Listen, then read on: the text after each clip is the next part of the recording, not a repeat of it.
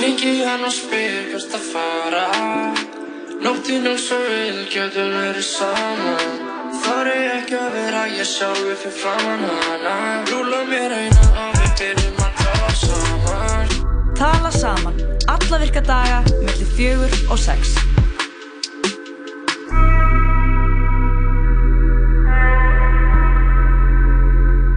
Já, kærlustandi, klukkan er fjögur á þessum fína mánudegi og það tala saman sem að helsa þér.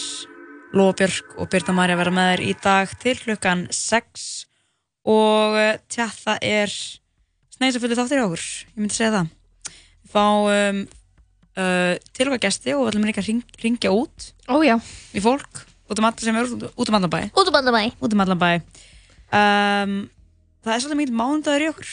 Myndi segja það. Mm, það er líka mánudags veður og uh, náttúrulega brjálega helgi sem var að klárast. mm -hmm. Eða þú veist, ég gerði mikið, þú gerði mikið, það var alltaf gerast. helgar helgi það má segja það Vá, hvað, það er góð frasi. Helgarhelgin. Helgarhelgi. já ég er svolítið mikið með þessa frasa Mm við ætlum að fara á eftir í litla blandhóttnið og þar erum við með já, þráð sem var hvað, 2006 eitthvað svo leiðis og er rauninni bara um það að fólk sé að deila með eða já, deila ræðilegum frösum Mhm. og hann er mjög fyndinn þráðurinn og við ætlum að fara yfir þetta og já, við erum eitthvað frí kamer í gangi hérna Um, það var náttúrulega viðbjörn rík helgi, sko. Þú varst á Ed Sheeran tónleikum, uh, Jeffrey Epstein dó uh, frá til sjálfsmorð í fangaklefa og ógslag mikið í fréttum. Og meðal annars stórt fórsýðu viðtal í fréttablaðinu við hana Ronju Móinsen sem er að fara að koma í viðtal til okkar eftir smá. Og það er svona verður þátturinn í dag er svona að verður nokkuð um fréttaskýringar og hún Kristín Álfsdóttir blæðamæður hjá Vísi hún ætlar að segja ykkur allt um uh, mál, uh, Epstein-málið. Já, hann, hann var í haldi uh, lauruglu fyrir uh, vegna ákjara um mannsal og kynferðsbrot gegn uh, tugum ungra stúlna að. A-klassa uh, ógeð þar að ferð og enginn fær að segja ykkur má- frá málinu heldur en Kristín Álfsdóttir einmitt. Uh, sömulegis ætlum við að ringja í Arnar Eggert sem er sko hann er stundum titlaði sem prófessor við Háskólan í Íslandi en svo sá ég skemmtilega titil á hann sem var dægurmenningafræðingur sem hann er. Já, og einmitt hann er svona aðeins búin að vera að tjá sig eitthvað um hérna Ed Sheeran tónleikana og bara allt gott að blæsa þar. En mér langar svona aðeins að spyrja núti bara hvernig hún finnst stemningin að vera því að þetta eru magnaðir veist maður magnað að Ed Sheeran hafi fyllt tvo lögadalsvelli sko Já, það, Það er, er það, er það. sko. Hann, hann er alltaf svo frægur sko. hann er svo frægur en hann er svo lúðalegur líka þannig að ég, þú veist ok, við förum betur í þetta eftir en Arnar ætlar að Hvað? nei, þú veist alveg hvað ég tala um sko Já, en hann þú veist kemur bara með tjása hár og, Já, svartur hætti fyrir svið og fíla þetta já, já, þú veist, hann er flottur söngari, ég dýrka lögin hann, skilur Það skilur, er En ekki alveg smá Pældi í hvað m- margir eru að þú veist, búa til svo mikið production í tónleikunum sínum þú veist, með dans, Mhm, dansara, mhm, ljósasjó, eitthvað Mhm. þú veist að hann þarf ekki neitt nefn bara, hann stóð einn á sviðinu með gítar Mhm. þannig að mér finnst það, Og rauða hárið sitt og fallega röddina sína já og fallega brositt Hvernig, þú veist, var? Varst alveg, var alveg tróðið þe- þegar þú varst. Ed Sheeran? Var ekki uppselt samt eða? Nei, ég fór á sena, auka tónleikana Og var ekki uppselt að þá? Nei, ég held ekki sko, en það var samt alveg mjög mikið fólki. Mm en það var alveg mjög þægilegt bara að magna fólki sko. Ég var líka á tónleikum um helgina. Ég var í varst á portinu á laugardeginum? Já, á laugardeginum og þar var uh, fjölbrytur hópur tónlistamann að koma fram sko, var, voru svona styrtar tónleikar fyrir No Borders Æsland og flottumenn á Íslandi.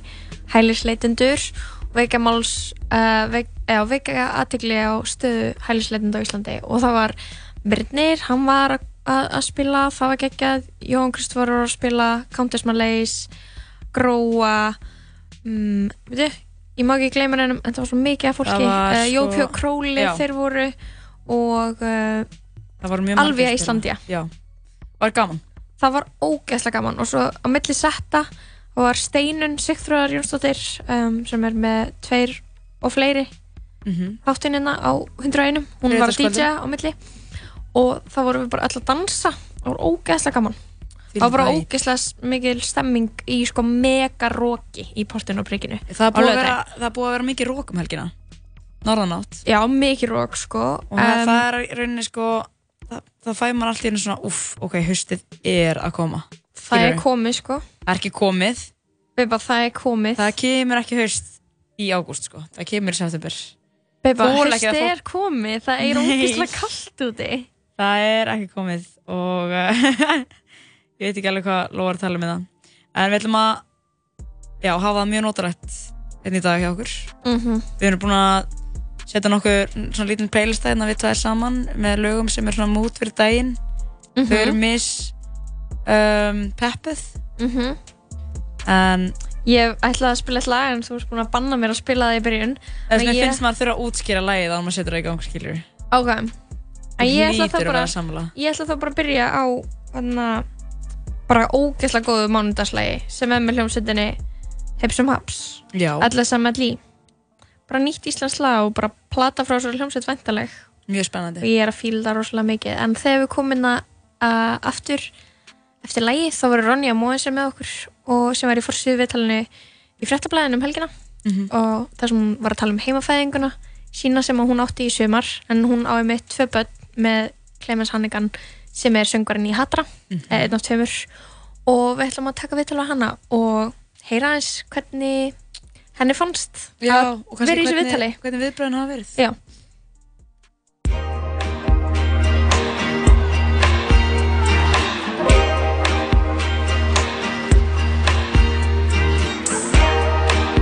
Langar í pick-up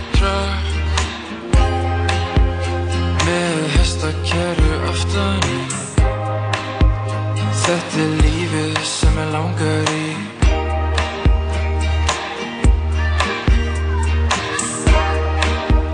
Kynnast konu sjö Sem að elska líka hund og vín. Þetta er lífið sem ég langar í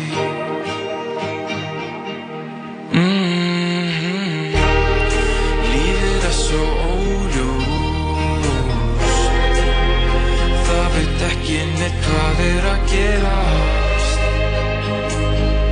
En við gerum það samt Allir haldi eitthvað lofum um að verða betur en önnur vera. Og reyna standa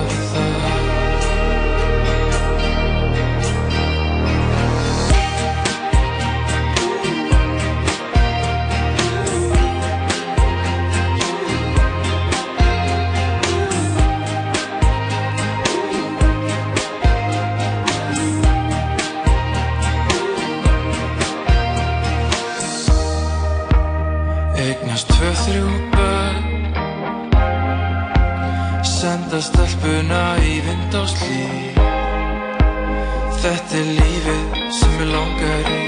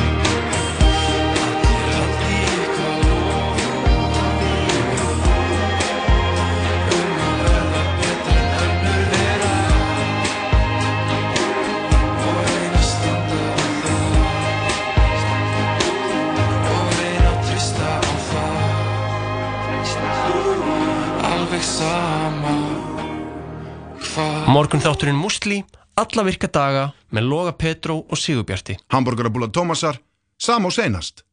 Hamburgerabúla Tómasar. Here I come. Nýjunda kvikmynd Quentin Tarantino Leonardo DiCaprio I'm Rick Dalton. Brad Pitt Here comes trouble. Charlie's gonna dig you. Once Upon a Time in Hollywood Frumsýnd 14. ágúst Útvarp 101.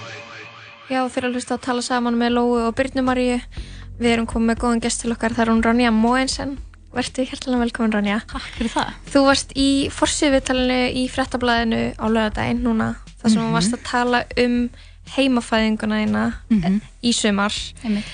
og, og þetta vakti talsvara aðtegli. Gætur þú sagt okkur aðeins uh, frá þessu vitalega, svona hvað þú ert að segja? Já, sem sagt, uh, viðtalegurinn er bara fjallar um mína ákvörðin sem sagt að fæða án aðstóðar frá heilbreyðisæðlum og hérna hans bara um mitt, mín, mitt bara ná ferli í kringum það og af hverju ég valdi að gera það.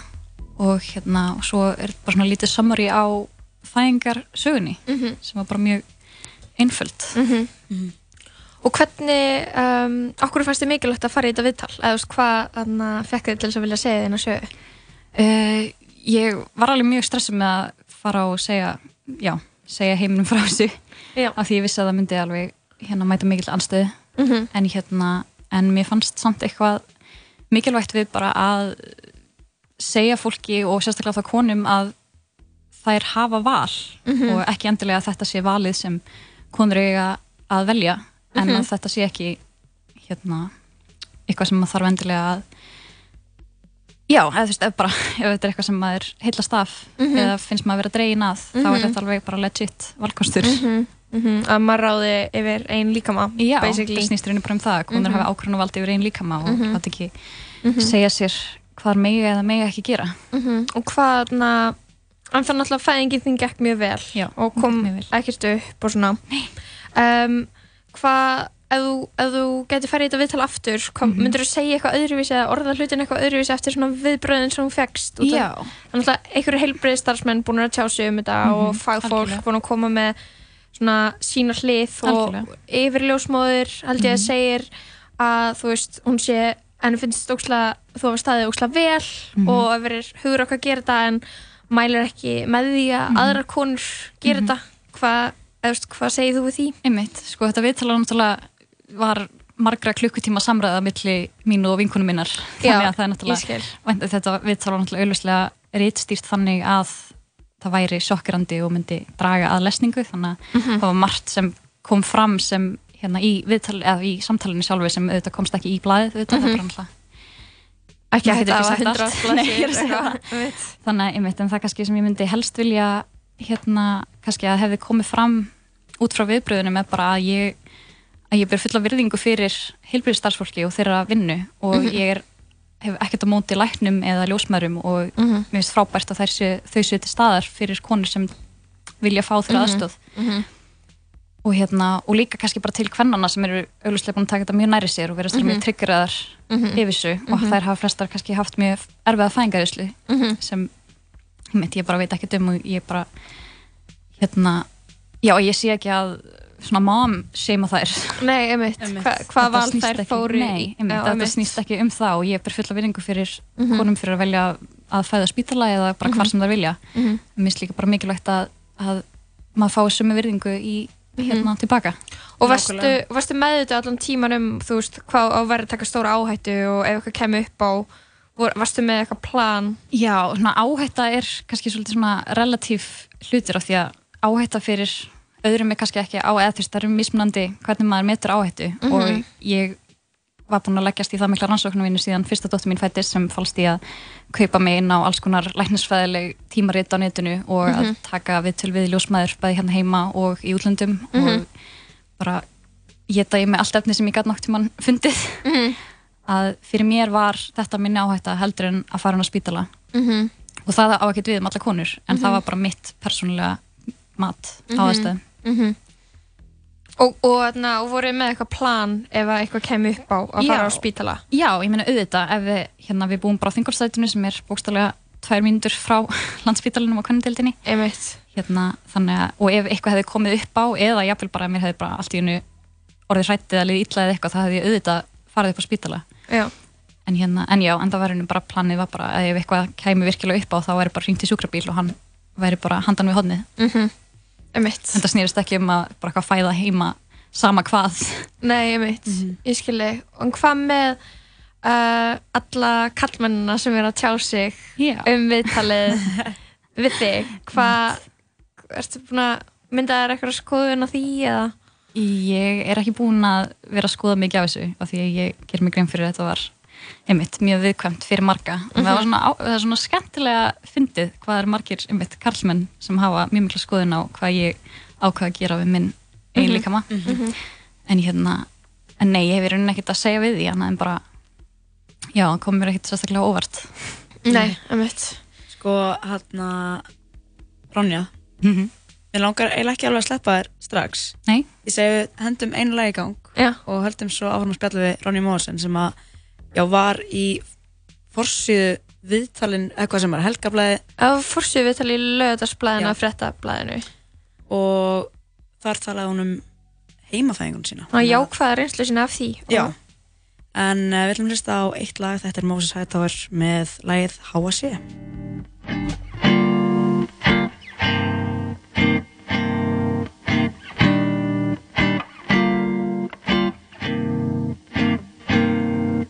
Neyðir sig í tré Nývagnaði þröstur upp á háa sé Og heldur því.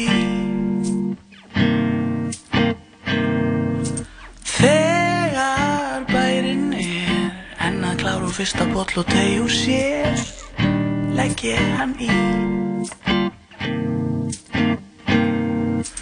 Úti sækir mannerðin að mér Eitt eins og háflóðið að öðri strönd Og ég sé að eins og gengur ferðast sem er einir aðrir hönd í hönd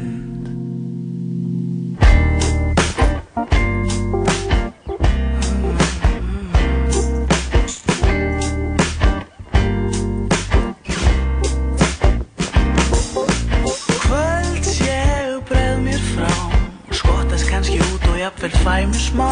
Í dag Já, já, það má. Það má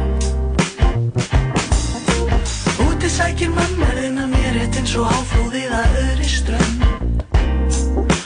Og ég sé að eins og gengur ferðast sem er einir aðrir hönd í hönd.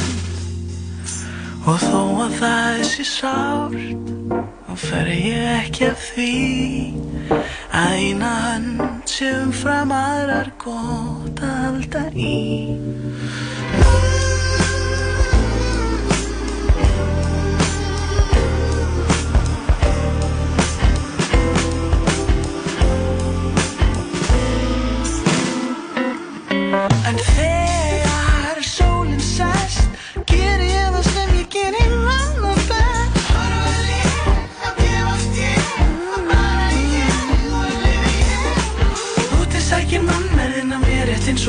eins og háflóðið að öðri strönd. Á ég sé að eins og gengur ferð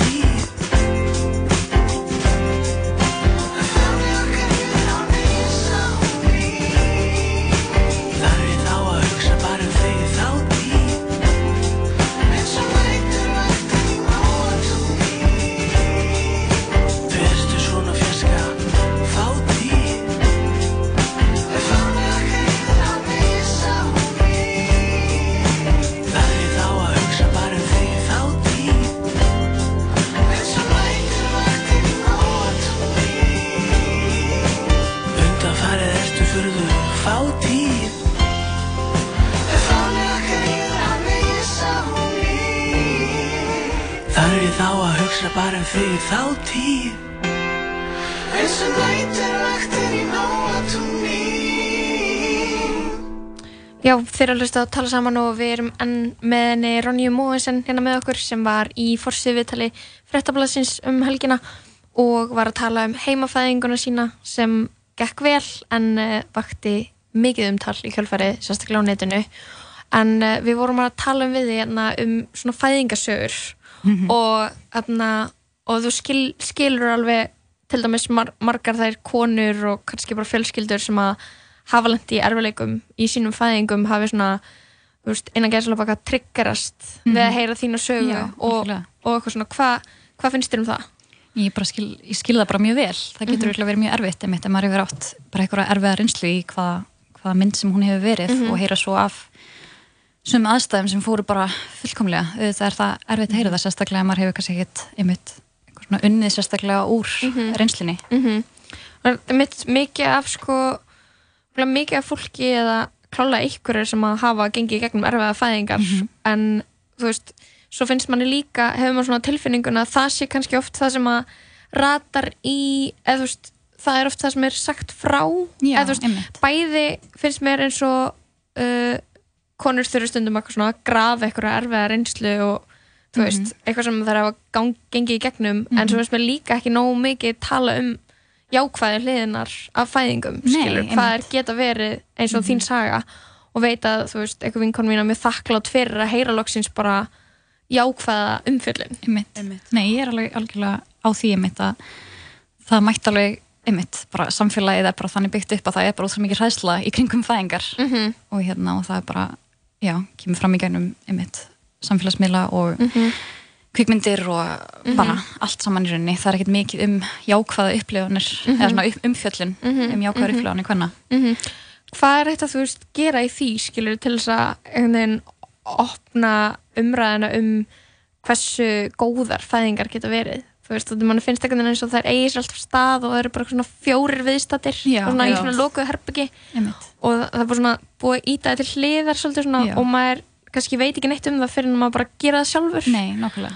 Þannig að þú veist, er þetta viðtal tilraun til þess að svona Já, algjörlega, til þess að setja þetta inn í umræðina því ég Mhm. skil alveg mjög vel að fólk hafa engan áhuga á þessu þetta er náttúrulega mjög svona þröngt umræðinni, eða þú veist, maður kannski tengir ekkert við þetta nema að sé mitt í þessu veist, á þessum staði í lífinu veginn, Mhm. til dæmis ég bara, þetta er hefur bara svolítið svona yfirtekið mitt líf Mhm.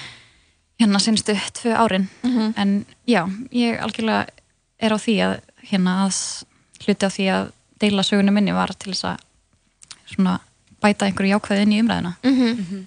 sem þetta hefur klálega gert, mér finnst þess að fólk kannski sé með ofta það núna eða oft, eins og við bara í dag og við vorum að ræða þetta og, Mhm. og strax einhvern veginn fara bara einhverjar pælingar í gang sem maður hefur ekkert endilega verið að pæla mikið í og svo Nei, ég tengi ekkert við fæðingar til dæmis Nei, Nei. bara mjög og ég er bara eitthvað get eiginlega ekki sett mér í neinn spór ég er bara eitthvað ok, ég skil ekki og svo heyri ég bara okkur rauk og þá svona ég er bara geðt mikið að hugsa og Mhm. ég held að fleiri séu þar Algjörlega. og mér finnst það mjög holdt bara fyrir Mhm.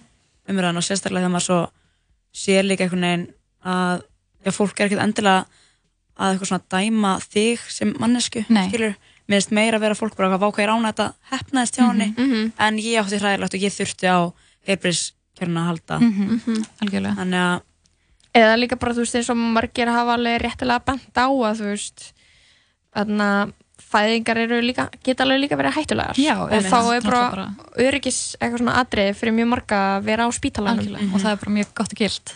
Einmitt. þetta er náttúrulega bara, þetta er minnst margir verið búin að benda á því ég hérna verið að kvóta mig í viðtralni þar sem ég segja að fæðingar sé ekki læknisfræðilegu viðburður Mhm. og það er mjög mikið fólki sem er ósamala því Mhm.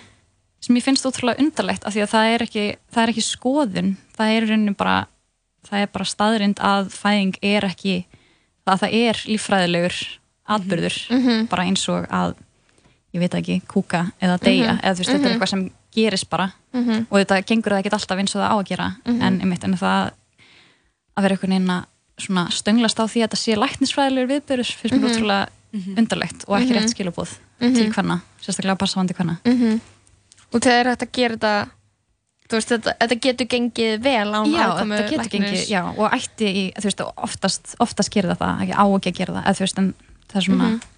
það er sjaldnar sem konur þurfa á að hjálpa að halda heldur en ekki En er ekki líka auðveldra að fæða í annarskiptið? Eða þú veist Jú, ég, ég held ekki Jú, örglega, fyrir mig var það Mhm. Mi- fyrir mig var það það sko en, en ég hef samt líka alveg heyrst að fólki sem er mitt bara átti bara geggjað fyrstafæðingu og svo lendi það upp á spítala í setnumfæðingunni það er einhvern veginn bara, Mhm. það er engin regla á því Ertu í, ertu í sambandi við mikið af konum sem að fæða heima? Uh, ég, það svolítið, hefur svolítið verið bara í kringum mig frá því að ég var krakki, svona flesta konunar í fjölskyldunum minni hafa fætt heima og það verið ekkert verið samt mikið í umræðinni, en bara Nei. svona núna þegar ég líti baka og er að tala við konur í fjölskyldunum minni, þá er það eitthvað munstur Já, ok hérna, ekki einar reyndar, Nei. en hérna það þú heima Nei, ég fættist ekki heima, ég fættist spíðara Ok. Ég nefnilega þekki ekki margar sem gerir þetta. Nei. og en þú veist, myndur þú segja þetta væri eitthvað svona tískutrend eða? Uh, ég, kannski er þetta Ég held, ég held ekki sko, ég var að hlusta á hérna viðtali við Krisbyrga Magnúsdóttur sem er Mhm. ljósmaður hérna, hún var í morgunútafrinu í morgun, í morgun þættinum í morgun. Á Rást 2 Mhm. og hún, það var einmitt spurt hana hvort að hérna heimafæðingar væru eitthvað sem færi fjölgandi og hún Mhm. sagði að þetta væri búið að vera stöðnuð, stöðnuð prósenta alveg í mm 20 ár eða eitthvað svo lis Já, ummitt en hún einmitt talar mjög skemmtilegt viðtal við hana þar sem hún er að tala um um, um kvotar í rannsóknir sem ég var mjög mikið að skoða til dæmis um Mhm. hérna öryggi heimafæðinga Mhm. og þær eru í rauninni ef kona er heilbrið og hraust þá eru þær alveg jafn öryggar og spítalafæðingar Mhm. Mhm. sem ég fannst skemmtilegt að heyra í úðarpinu Mhm. Mhm. En kannski svona að lokum um, hvað er það svona ég veit ekki alveg hvernig ég á að koma, koma þessu út um mér en bara er eitthvað svona sem þú vilt bæta við að svona leggja áherslu á að, að ég veit bara eftir þessi viðbröð og eftir Mhm. þetta umtal sem að um, já þetta hefur komið upp núna eftir að viðtalið var byrt Mhm. hvað er svona loka skilabóðin út í kosmóði? uh, ætla að sé ekki bara til hvernana sem leið illa eftir að ég setti þetta út eða, Mhm. eða fannst ég vera að ráðast á þær eða að dæma þær eða eitthvað svolítið ég vil bara segja við þær að það var alls ekki meiningin og ég bara elska ykkur og mér þykir mjög leiðilegt að þetta hafi komið svona til ykkar Mhm. en að hérna já, þetta var bara mín persónulega ákvörun og ég Mhm. er ekki að segja einun einum hvað hann á að gera við sinn Mhm. líkama Mhm. allar konur þurfa bara að velja það fyrir sig sjálfar Nákvæmlega Ráni Másson, takk kærlega fyrir að koma og setja þetta með okkur og Takk fyrir mig. aðeins. Takk fyrir að fá mig og bara til að, einhvern veginn, takk líka fyrir að opna þessu umræði Mhm. finnst það mjög mikilvægt Gekjað. Nákvæmlega Við viljum fá að hlusta á uh, lagi Heartbeat, þetta er Matildur. What you did and what you done will go. Needing love is just a thought. Needing you is just a low job. Never needed nothing to feel mad. Never needed me for that matter. You said you'd give me truth. I never needed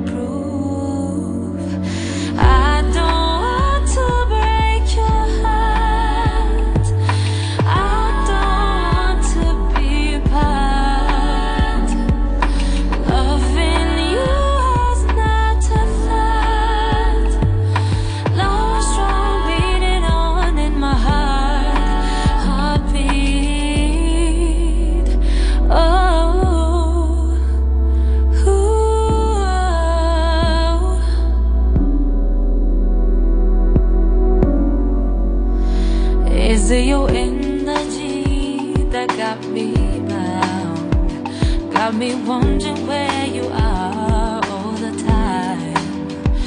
You see the stars in my eyes. I see the sun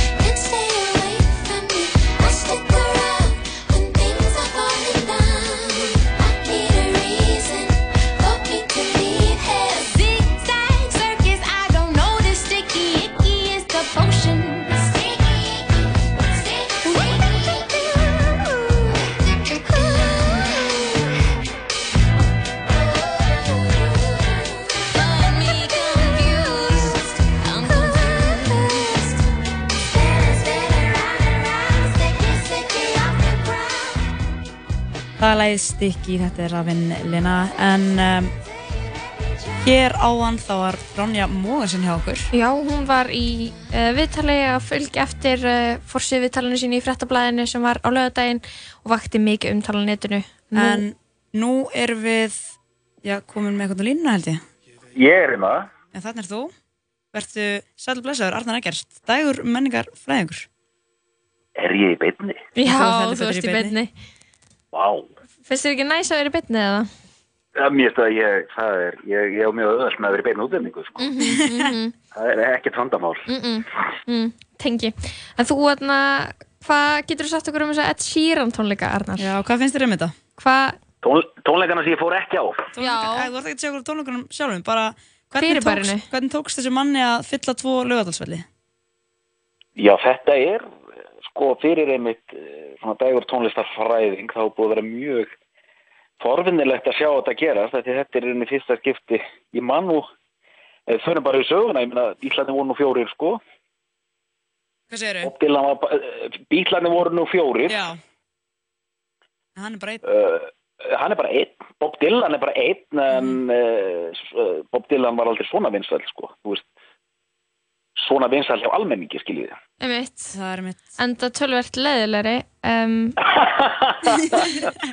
ég byrja þú meina, sko, nú er, nú er, nú er ég að upplifa kynnslóðabil sko sko, þú getur ekki, þú getur ekki reynda samfæru mig um sko, að einhverjum finnist Þannig að þetta munnhörpudæmi skemmtilegt þegar það er í heila fimm mínútur í lokinu á okkur lægi og maður bara getur hægt með þessa munnhörpu. Og svo þegar það eru tónleika með Bob Dylan þá gerir hann alltaf eitthvað nýja útgáfa af lögunum Já, já. og enginn getur sungið með. Og svo er það bara eitthvað eitthvað, hérna, eitthvað munnharpa skiluru og svo maður er bara eitthvað veist, sem aðdáðandi þá, ég meina, er hann skemmtilegur? Ég bara spyr Já, ég, ég kann að meta þetta, þetta er alveg nýr vingill. Já, takk fyrir það. Nei, en hérna, sko, ef við fókusum, um, ég tölum aðeins um þetta, mér finnst bara mjög merkilegt, hann er einn með gítar, Ed Sheeran sem sagt, og sko, ég, segið þið mér, sko, mín tilgátt er svo að þessi lög eru, ég sagði það einhver staðar, sko, þau eru, þau ná einhverju svona miðju, sko, þetta er aldrei ofleiðilegt en aldrei of skemmtilegt heldur. að Ég er eiginlega sammála sko. Þetta er algjör miðja og þetta er nefnilega sko Þetta er og kjósa viðreist ef það væri, tón, ef það væri tónlistastefna Já, En sko ef það Þetta væri ef það væri einhver annar tónlistamæður sem að geti gert það, hver væri það? Hver er næstur eftir honum? sko ég veit, ekki, sko, en, en mér er líka aldrei merkilegt að sko, Ed Sheeran er samt búin að vera að í tíu ár Já, það búin að vera dálítið svona stöðu uppbygging. Já, einmitt. Við erum líka að tala um hvað á að hann mikið inni? Ég meina, erum við að tala um 2-3 ári viðbót kannski? Meira Er þetta ekki svona er þetta ekki svona gaur sem verður bara svona smá eða svona sol, rosalega eða hvað, er hann svolítið frægur eða er hann rosalega Hann er frægur? frægasti tónlistamæður sem við eigum sko. Ég held það að í Ég held dag það, sé sko. hann bara, bara eitt stærsti í svona, þú, svona, svona hann er, þetta er bara einn ein, ein, sko, vinstalæsti tónlistamæður heims og skiljiði, hann getur gengið inn hjá sko Drake eða bara hverjum sem er og er alltaf með eitthvað svona gesta dæmi og eitthvað svona dótari sko. hann Mhm. er alveg bara hann, hann, hann, hann, hann er svona svo í sletti riding the wave, alveg brjálað sko. Ég meina verður hann ekki bara frægur að eilu bara svona eins og Phil Collins skilur við bara Um, já, þetta er góð, sko, ég, ég veit ekki, sko, ég meina, uh, þetta er auðvitað ekki svona, þetta er ekki svona djúpar og, og, og síkildar lagasmiðar eins og Bob Dylan er með, til dæmis. En sko gömlu lögin hans Ed Sheeran, þau mega það, þau eru mjög góð. Ég fæ svona grunnskóla þróbakk alltaf þegar ég hlusta á þeim Ed Sheeran, gömlu lögin hans. Bara gömlu lögin, Eins og svona small bump, skilur Hvað, ég veit ekki Ég ætla ekki að fara að syngja Mér hérna, finnst líka ótrúlegt sko, ég veit ekki, kann ekki eitt lag með Ed Sheeran, ég er ekki að reyna að vera eitthvað cool, skilur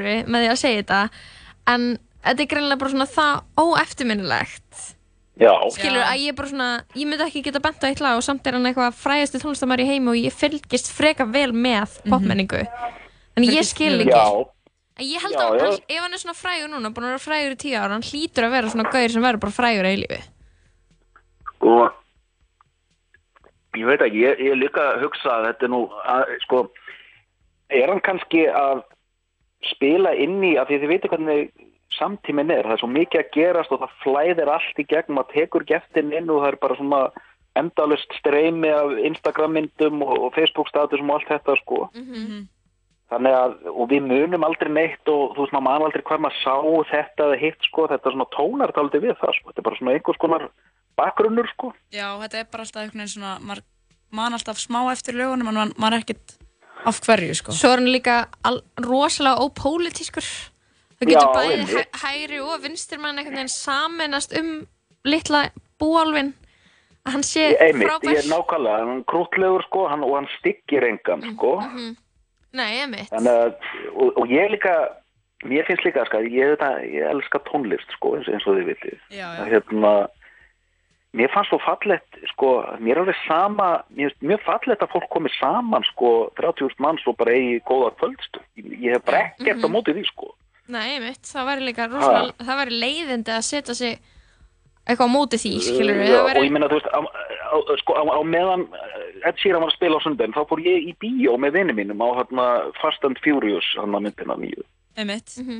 Þetta er það sama, þetta er, þetta er mynd sem maður, þetta er e- ekta svona bara afturring, maður man ekki neitt þegar maður kemur út af myndinni sko Mhm. en Þú maður var í hana. fíling á einmitt. myndin var í gangi En ég get alveg viðkjönd það, ég fór á tónleikana í gær og það var Mhm. bara mjög gaman. ok, Og bara, það var bara góð fjölskyldi hátíð þarna, fannst mér. þér leittist ekki Mm, ekki allan tíman, en, en ég hérna, held að flestir hafa bara skemmt sér ágætlega þrátt fyrir norðanátt og, og smá kulda, sko. Já, ég meina, og þú veist, þetta er, ég, ég veit ekki hvað, ég, ég meina, hann er líka kannski, nú er ég bara að bylla eitthvað öll í lofti, sko, en hérna, það er ekki, vinur minn talar um, sko, ef við tölum um stjörnur, gefur plötu, eina stjörnur, tvær, þrjá, fjórar og fimm, Já. hann segir að maður þarf að vera með svona góðar þryggja stjörnuplötur í safninu sinna, Já, það er náttúrulega, sem er svona þægilegt að hafa í bakgrunninum, þetta er alveg ágætt en ekki of, af því við getum ekki alltaf verið að hlusta á hrein mestarverk, sko. Nei, það er ég skilji, það þarf líka að vera búin til eitthvað svona liftutónlist og svona, þannig. Mm, já, Ok, og, ekki liftutónlist, en þú veist. og hann, þú veist, ég, ég get ekki, það er ekki að fá mig til að rýna eitthvað í að hans tónlist, þetta er ekki, þetta er engin tímamóta tónlist sem hann er að gera, bara sorry, sko. nei, mér veist eitt líka í þessu öllu, sko, hann rappar stundum og það er eitthvað sem hann verður að hætta að gera, sko. Já, hann er ekki Það búið fyrir hann að er ekki rappa. lægi, sko. Herru, uh, Arnar Eggert, ég verð að spyrja það einu að lókum. Já. Þú varst að vin, vinna í Japis sem er svona, svona bara svona eh, svo leðilegt að sé ekki til lengur. Mm. Er það ekki rétt sem mér? jú, jú, ég var að vinna, það er fyrir 20 ára síðan. fyrir 20 ára síðan, ok. Mm. Ég þarna, mamma mín vann á laugaveginum og ég fór á hverjum einasta degi og baði um að fá að hlusta á Westlife í svona gislaspilara Já, og fannst þér, veist, hvernig, hvernig fannst þér að vera að setja ykkur að gisladiska í fyrir lítil börn sem kom og hengu þarna allan daginn? Var það gaman eða? ég meðast það alveg meira á þetta, mér varst rosalega gaman að vinna í, í plötbúð. Mm Ég nefnilega, Ég elska Vestlef, elskar Westlife ég dykka þetta. hérna, Arnar, Oh þá God. erum við að fara að skella okkur. Það er hérna á fimmtudaginn í Bíóparadís, Westlife í Bíóparadís. Nei, Jú, bara, heyrðu, þetta er triple date, við erum að fara við á erum að Westlife fara á, á þetta allt saman og Þetta er þetta geðvegt. ég veit ekki alveg hvernig þetta, hvernig þetta verður, en þetta er bara... Þú, þú, Þetta er ekki, þeir eru ekki að spila í, Nei, nei, nei, í, nei, í þetta er, þetta er bara eitthvað myndband af tónleikum eða eitthvað. Já, já, Sko- sko, svona eins og hérna, óperurnar og, og þetta, sko. sko ég ætlaði nefnilega að spyrja þig, þú veist, úti í Westlife Mm. að ég man að einhvern tímann þá lendi ég á gaur, þú veist, ég var sex ára þegar ég var að þessu, lendi á gaur sem var, þú veist, að einhvern veginn, hvað segir maður að þegar einhver er að snúa augunum, rangkólda augunum, já, hann rangkólda augunum og, mér leiði, þú veist, smá eins og, þú veist, það væri verið að ráðast á sex ára tónlistasmækki minn, sko, en Já, þú hefur fílað-. Já, mér leiði illa veist, það má ekki seima fyrir tónlist sem maður fílar og við ætlum, klá, við ætlum klálega ekki að seima neitt fyrir að hafa farið að þetta síðan og nota sinni í bot það er bara Alls ekki. Og alls bara, ekki þetta, er, í, þetta, er- þetta er allt fullir virðingu og, og sko, eins og með Vestlef, nú er það bara, það er staðfest að doktornum, sko. Þetta er gott stöf. Já, þetta er gott start Þetta- Getum við ekki fengið að heyra eitthvað með Westlife Jú, og... ég er búin að kjóa hérna, Ok. þetta er, ég að senda bandi í gang. Ok, Nei ekki, ég ætla ekki að þetta sér hann. Þarna, Arnar Eggert, það var indislegt að tala við þið. Já, gott, gott að heyri Við þér. fáum að heyri þér næst það vera stórtónleikar. hafðu það gott Indislegt. Herðu. Já, gangi ykkur vel. Ok, takk, takk. takk. Bless. Bye. Við ætlum að bomba í smá Westlife. Þetta er Mandy. I remember all my life raining down as cold as ice. Shadows of a man, a face through a window, crying in the night. The night goes into morning, just another day. Happy people pass my way. Looking in their eyes, I see a memory.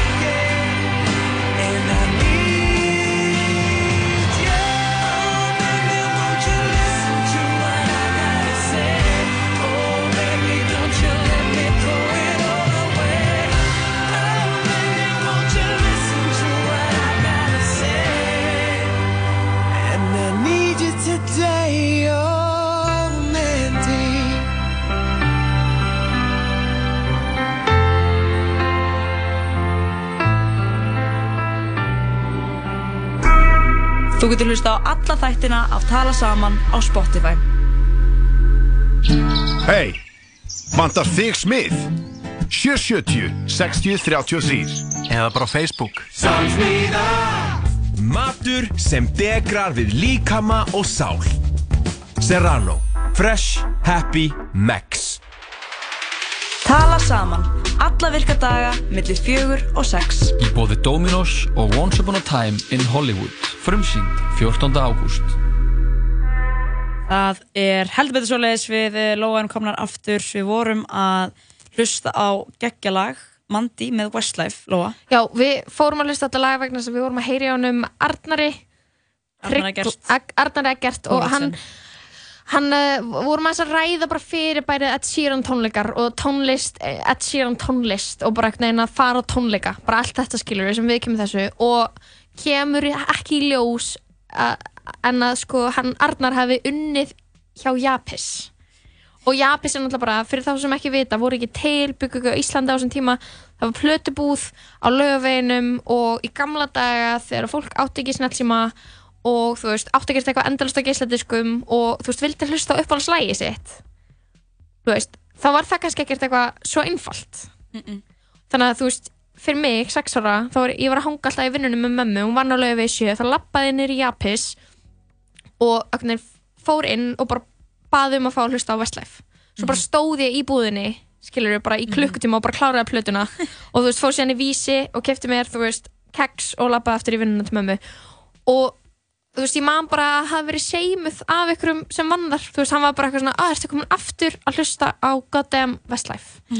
Kemur sem bara ljós að Arnar er bara líka aðdáðandi þetta er náttúrulega bara Þetta hefur ekki þetta verið er hann, allt- sko, nei, að- þetta var klálega ekki hann, þetta hefur verið einhver, einhver fílupúki.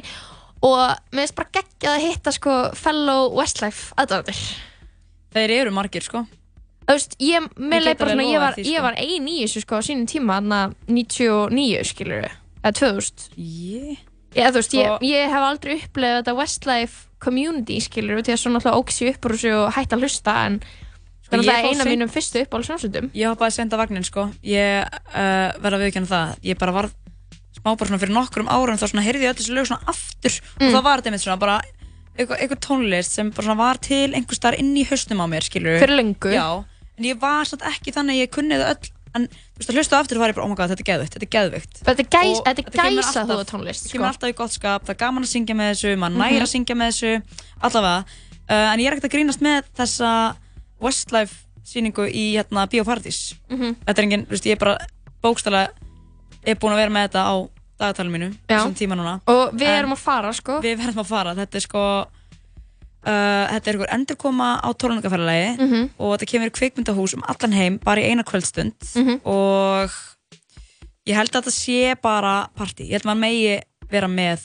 og syngja, upp. Sótavatn með sítrónu og Sótavatn með sítrónu og bara aðalega bara það að maður megi syngja með og þá er ég góð. Ef, ég, ef maður ætti ekki syngja með þá getur alveg sleppið að fara sko. Nú er maður bara að fara að renna í gegnum allan katalógin og hitta svo upp. Það sem að við verðum líka bara aðeins að tala um áður en við lókum þessum vestlaf umræðum er bara NSYNC, þeir hafa fengið eitthvað veist, eitthvað skonar bara megapep, Blue Backstreet Boys, en hvar er ástin fyrir Westlife? Ég held að fólk Af geri hverju sér er grein fólk fyrir lögunum ekki að sem að- fatta hvað Einmitt. er miklu betra band heldur en hina, hina þrjá sem ég taldi upp? Það er endar, já. Veist, er, og, og bara, En veist, Nickelback, þú ert ekki það það er ekki þessum flokki Þú ert ekki bara sko. photograph. Nei, og það sem ég elska Alright. það sem ég elska við Westlife er að þeir allir þú veist, ok, a, er ekki algaurin en það Brian McFadden, skilur hann er, einhver, hann er ekki hann er einn af þessum aðal. En eins og þú veist, í NSYNC þá fór Justin Timberlake og, og varði eitthvað stórstjárna, skilur Mhm. Justin Timberlake ég er ekki seld á hann, sko. Ég hef aldrei verið Anna- á JT-vagninum sko, aldrei. Bara gefum Westlife þá ást og virðingu sem hann á skilið Já, ég er samanlega því og skellum okkur í bíó Öll í bíó, bíópartís að horfa á tónleika saman Mhm. eins og Arna sagði, það er bara alltaf gaman þegar fólk er eitthvað að koma saman og gera eitthvað Já, þetta er bara ógeð, þetta er ótrúlega mikilvægt í menningun okkar sko. Einmitt. En talandi um tónlist, þá langar mig að spila eitt lag sem að, já, ég rekst á einna uh, um daginn. Þetta er norskur rappari, eða tónlistamæður. Hann kallar sig Kafteinin, eða Kapteinen, en það, og hann er fættur 98, Mhm. hvað hann er 20-21. Um, hann heitir samt fullnafni Kjell Överland og hann, Kjell? hann er frá Stavanger, ég kann ekki, ég veit ekki alveg hvort ég segi þetta rétt. En allavega, þetta lag er uh, mjög næs, svona, hann er held ég að fara að droppa svo plötu í kjálfarið, ég ætla að spá því. Mhm. En uh, já, þetta er lagið Illusion með já, Kapteinin. Ó, glæsilegt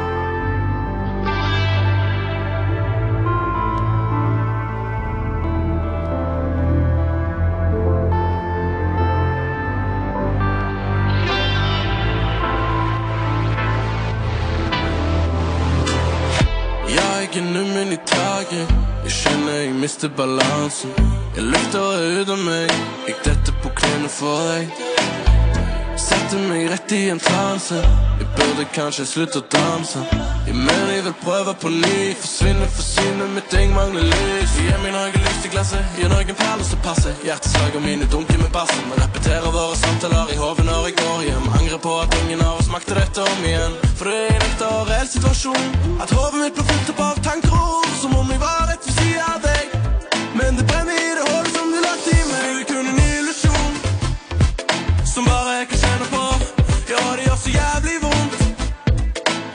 partout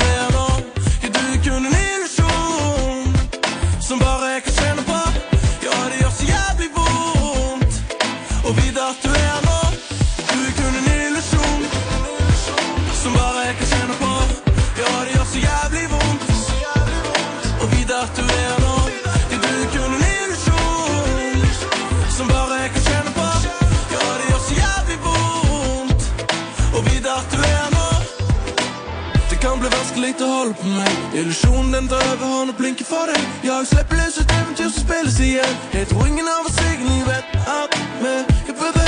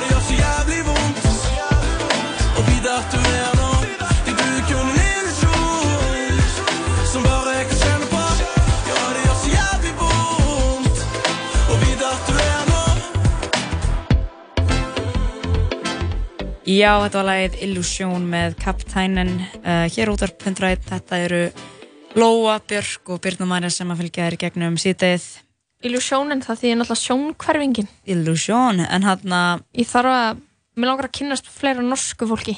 Já, ég er hjartanlega sammála. Ég veit að normin eru með eitthvað orða á sér að vera ekki skemmtilegir. Aha. Það er bara ekki hægt að taka miljónum manns Og og segja þessi ég segi leiðileg það nú. Mér finnst það alveg on. glata Pæl- Pældi að fólk var að segja þetta um Íslandinga Maður Pæl- er bara eitthvað Pæl- Pældi hvað að vera gott að þekka normann Normenn sko, normenn eru ógeðslega góður í að spara. Já, það er líka dýrt í Nóri Þeir eru bara, þeir hafa bara alltaf kunnað að spara og þú veist, þeir eru með eitthvað svona, eitthvað svona mega, mikla auðlindir og þeir eru eitthvað, já, við ætlum bara að taka allan þennan pening til hlýðar og við ætlum bara að spara þennan pening. Þeir eru bara svona skilur og Já. það er bara, já, ég er bara ekki ætla, ég ætla bara ekki að eyða miklu og bara alltaf að spara og það fáum við bara tala bjór og, e, bjór bara eins og í mánuði með vinnum mínum og bara hafa gaman. Jättebra Ég er bra. Og ég bara elska normenn fordi þeir eru allra bestir. Það er de allra vi eru har allra ja. Jag vet och ekkert Oslo hvað ég segja bara þetta eh, världens bästa borg. Já, Ja. eh, tack ska du ha. Takk skal þú hei. Sko, við ætlum aðeins að vinda okkur í smá, smá CrossFit News. Við erum með tvær um, frettir af, af tveimur CrossFiturum og eitt er slúður sko Eitt er slúttari sem er Oh. komin inn á, inn á lífið hérna á vísi.is og sá það nú líka á fleiri miðlum og ég veit að margir voru að pæla í þessu Mhm. en þetta er Katrin Tanja Davíðsdóttir Mhm. crossfitari, crossfit queen um, hún lendi núna í fjórðarsæta heimsleikunum sem voru þar síðustu helgi um, stóð sig fála vel þar Mhm. Um, svo var hún eitthvað að henda sér í frí og er núna í fríi uh, og er að setja eitthvað dutta í skilur Mm, hún er bara að henda hann bara, já, maður er bara eitthvað, ok, mjá kannski er þetta vinurinnar Mhm. af því að þú veist, það stóð ekki neitt. En myndirna voru mjög svona nánar skilur eins og hún postaði bara mynda þeim saman skilur Já, þetta var ekki eitthvað og var að fara í sleik þetta er bara mjög mikið knús skilur Mhm. uh, og hver er Katrin Tanja fyrir þá sem ekki vita? Katrin Tanja Já. er um, starpa sem að er, hefur til sem var heimsmeistari í CrossFit. Ah, það er svo fárlega vel gert. Það er mjög cool og hún er, já, var að lenda í mynd eins og ég sagði þetta á pallin, hún, nei, á, í fjórðasæti fyrir ekki, á heimsleikunum síðustu.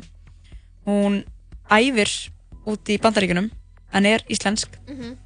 og þjálfarinn hennar er mitt búsettur hérna og hann svona, tók hann svona, svolítið svona undir sinn vang þeirist mér ok, og en þessi gaur, hann er ekki þjálfurinn hennar en er hann í crossfit? þessi gaur er í crossfit nefnilega, hann tók þátt að heimsleikunum Ætlaði að við kynst þar eða? Nei, allir hafi ekki kynst eitthvað aðeins fyrr sko, því þau eru allt í náttúrulega bara official, Og skilurðu. ertu búin að heyra eitthvað í henni varðan þetta? Er hún búin að, þú veist, er hún búin að staðfesta, skilur Sko- hvort þau saman eða ekki? Það kom að pick on the gram, það kom frumsýning á grammið sem að stendur bara I don't know about you, but I think kinda, he's kinda cute skilur við það Ah, ok.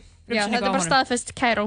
Já, og, og það er hérna, allt gott að blessa, þetta var svona lítið slúður crossfit hotn hérna í dag sko, en Það þau er eru ekkert bara saman í frí og ég vona bara hún sé að njóta og, og komið svo bara fersk tilbaka og byrja að fylla eftir að æfa sko. Veistu hvað eru líka saman í fríi? Miley með Gellu. Miley og maðurinn hennar. Þau er, voru að skilja. Þau voru að skilja. Og Hemsworth. Liam Hemsworth, þau voru að skilja Miley eftir tíu mánu á hjónaband sem bara fínt, skilur Ef ykkur finnst gaman, úst, ef þið viljið gifta ykkur og gifta ykkur og skilja eftir tíu mánu, það er bara geðveikt. Já, ekki þurfa að býða með það allavega. Nei, nei, og hún skilur uh, hún er núna í ykkur svona siglingu Þú, hvað er þessi frétt? Hún er að njóta lífsins með nýrri dömu á Ítalíu uh, og þessi stelpa sem hún með heiti Caitlin og hún er um, hún er fyrirhandi unnusta Brody Jenner og tengdadóttir Caitlyn Jenner og Vá, það- hvað þetta er flókið. Já, Ok, byrju. já.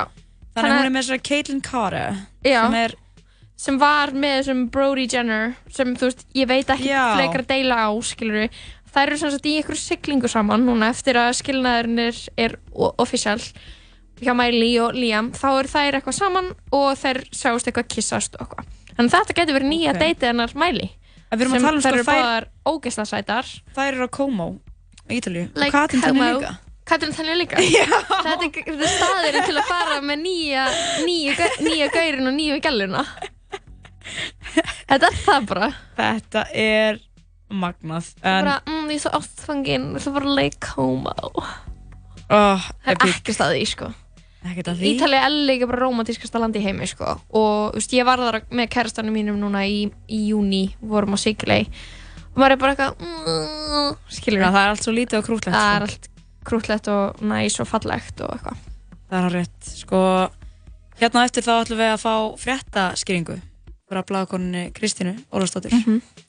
Hvað ætla hún að segja okkur frá? Hún ætlar að tala um uh, ógeðsla mannin Jeffrey Epstein sem að framti sjálfsmorð lest allavega um helgina og það var svona stórfrétt helgarinnar frá bandaríkjunum en við hefum líka eftir að kynna til sögunar nýja waveið, New Wave tala saman Alright. fyrir þessa viku mikilvægt að vita uh, hvað, hvað, hvaða línur maður getur læ- lagt fyrir helgin, nei vikuna, vá, ég Já. er geðveikt að rugglast þetta Líka bara, sko, um bara hvað þetta er sem allir eru að gera þarna úti, skilur Já, hvað, Hvað er trend þetta? er í gangi í þjóðfélaginu sem þú getur ekki alveg sett fingurinn á við erum að fara að gera það. Við ætlum að finna okkur það hérna rétt eftir næsta lag sem heitir Little Bit of Lovin' Þetta er Roy Woods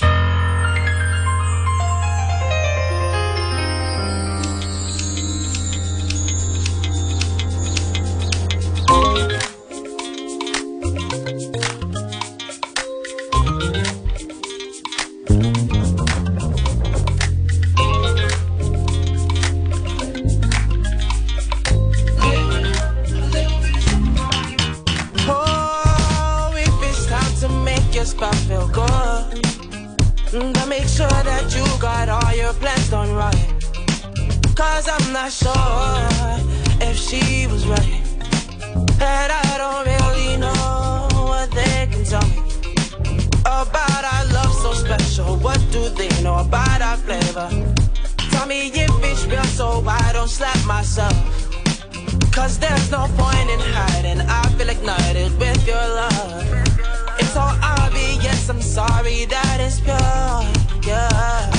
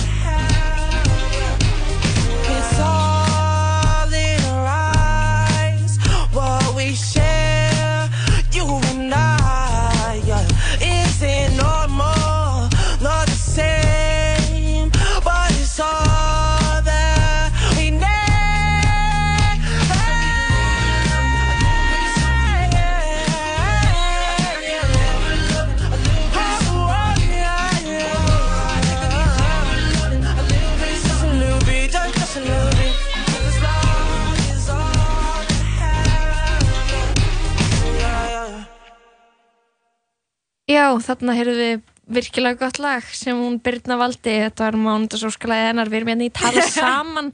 Lóa Björk og Birna Marja Másdóttir. Ég er ekki Másdóttir, ég er Björnsdóttir. En uh, fílaði þú sett Másdóttir.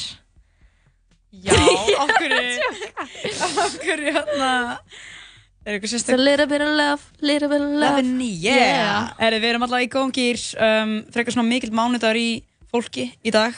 Já, við byrjum alveg fullkomlega skilning ef við höfum fullkomin skilning á því að þessi mánudagur er fólki og þessi helgi, hún var rosaleg það byrjaði svona smá haustvindur lættist um borgina og yfir all landi það var skít kallt á fiskudögunum á Dalvík margir Já. sem að fór að djamma það var um, pakka prigg og pakkaði B5 og já, já, já, lögðarsvöllur Veist, hvernig gata þetta fólk bara farið á alla þessar staði sko? Hvernig eru alltaf í ráðum svona mörg að við getum bara verið að pakka fullt af stöðum? Ég Dem saman Ég, ég veist ég bara bara veist ágis, það ég á ekki svar við þessu svarið? Nei, ég bara Þú, hann alveg náða mér Þannig Ég er að ég tók orðlaus. yfir jafnvægi sko. Já, tókst mér jafnvægi En þetta er, já, við erum svolítið líka búin að vera bara í mánudags tónlistinni, bara vera ekkert, við erum svolítið að passa, bara að fara ekkert með púlsinu of hátt upp. Skilurðu? langar að ná púlsinu upp Já, við gerum það alltaf smá, þú ert með þitt mánudags óskalag. sem er bara svo gott Já. og um, ég er endar með tvö mándagsóskuleg út af því að, sorry, krakkar þegar þið eru í mándaskýr þá, þú veist, þá er rosalega gott líka eins gott að er að fara inn í það skap og leifa Mhm. sér að hlusta á rólega tónlist sem er alltaf lægi að bara líka hlusta smá á jam tónlist og vera smá bara helgin lifir ennþá í mér, skilur við Já, já. og ekki vera okkur um bömmar heldur bara, þú veist, setja ykkur danstónlist á og bara njóta og hafa gaman 100% sko. Mér langar smá að spila lagið sem að, já, þú vildir fá að heyra. Það er lagið Runaway. mm -hmm. Með hverjum Runway er þetta? Runway. Stunna Girl, Stunna Girl Ok, sko, ég, ég, veist, ég kynntist þessu lægi í gegnum, þú veist, 14 ára litlu frængu mína, skilju Þetta er, Er ekki þetta er eitthvað TikTok TikTok lag? lag, Já. þetta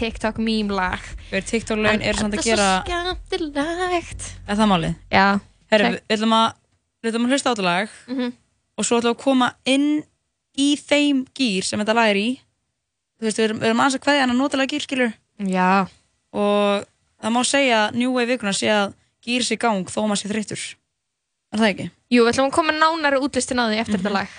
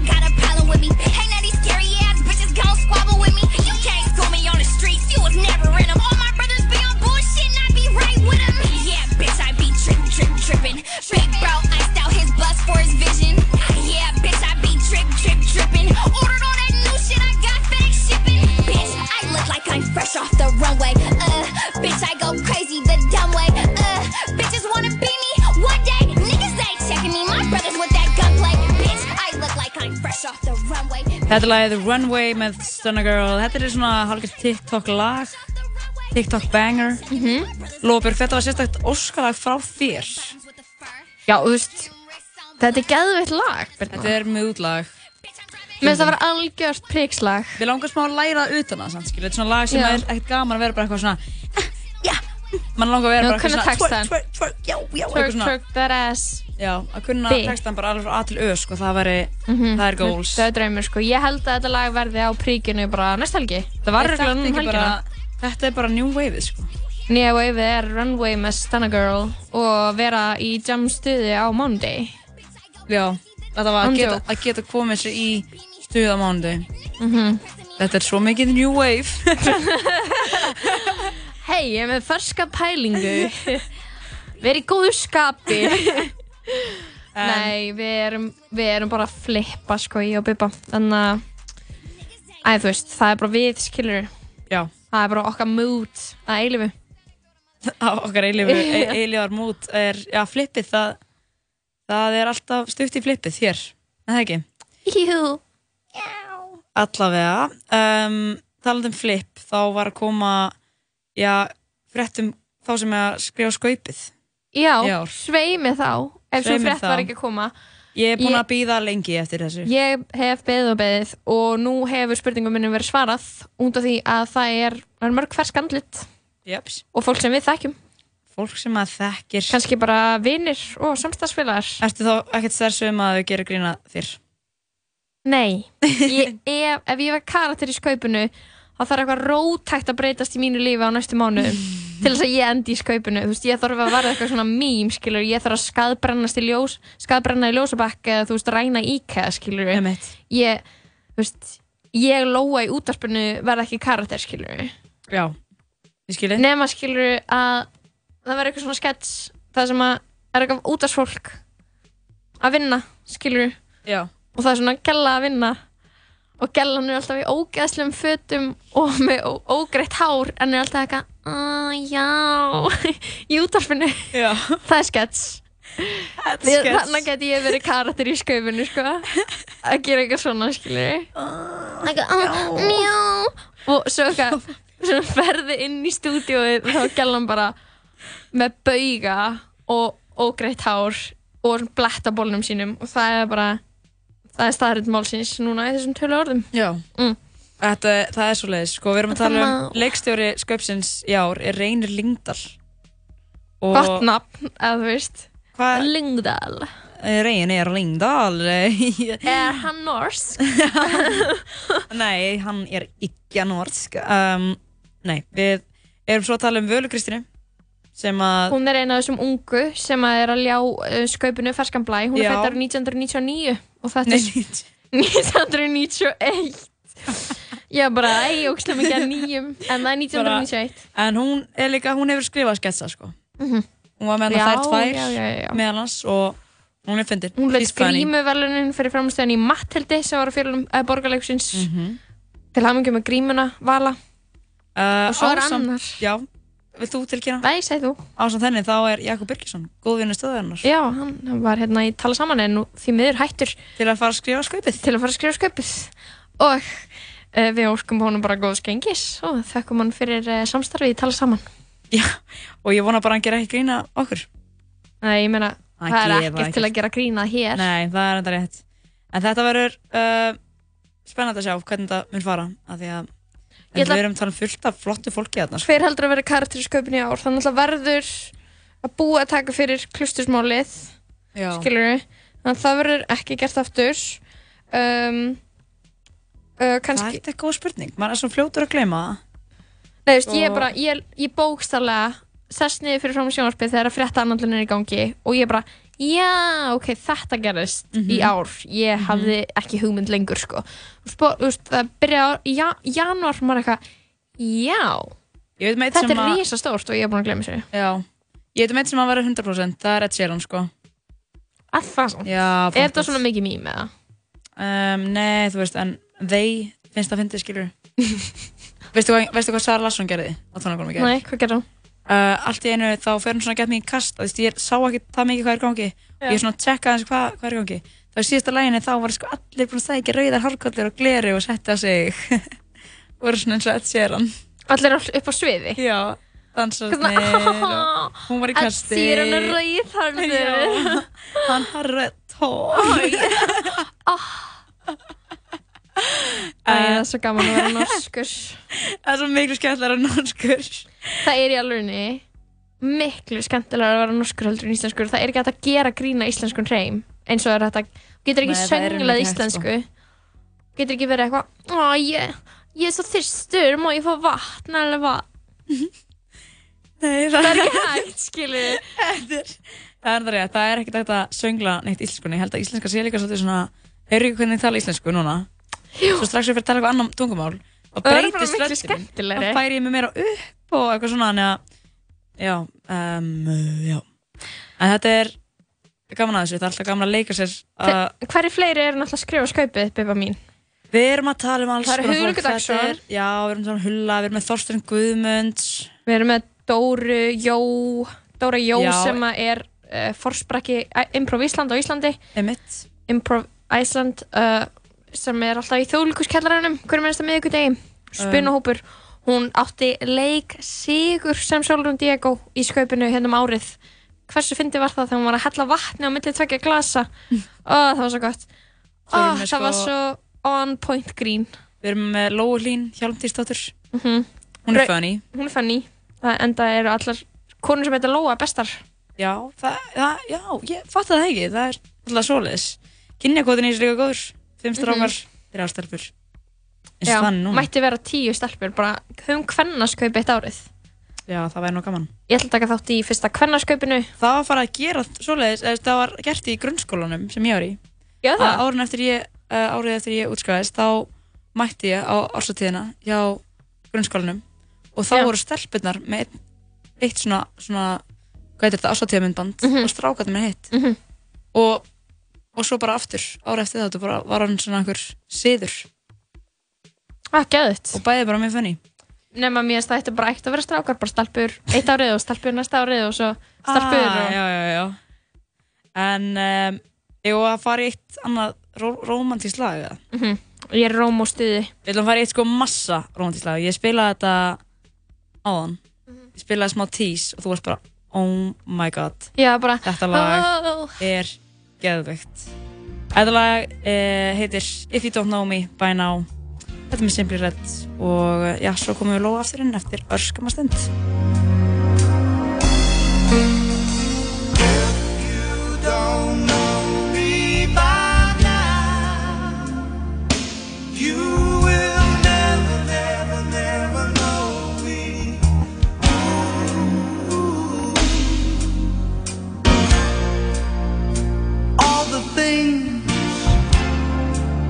that we've been through. You should understand me like I understand you. Now, girl, I know the difference between right and wrong. I ain't gonna do nothing to break up our happy home. Oh,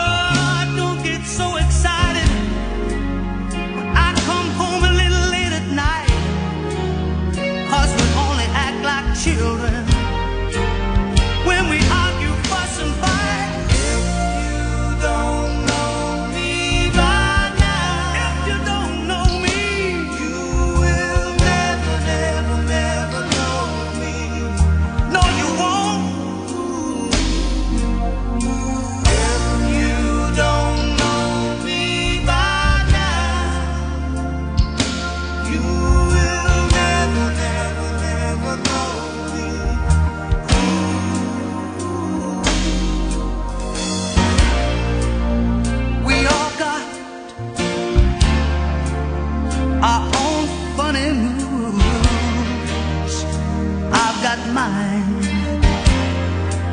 Woman, you got yours too. Just trust in me like I trust in you. As long as we've been together, it should be so easy to do. Just get yourself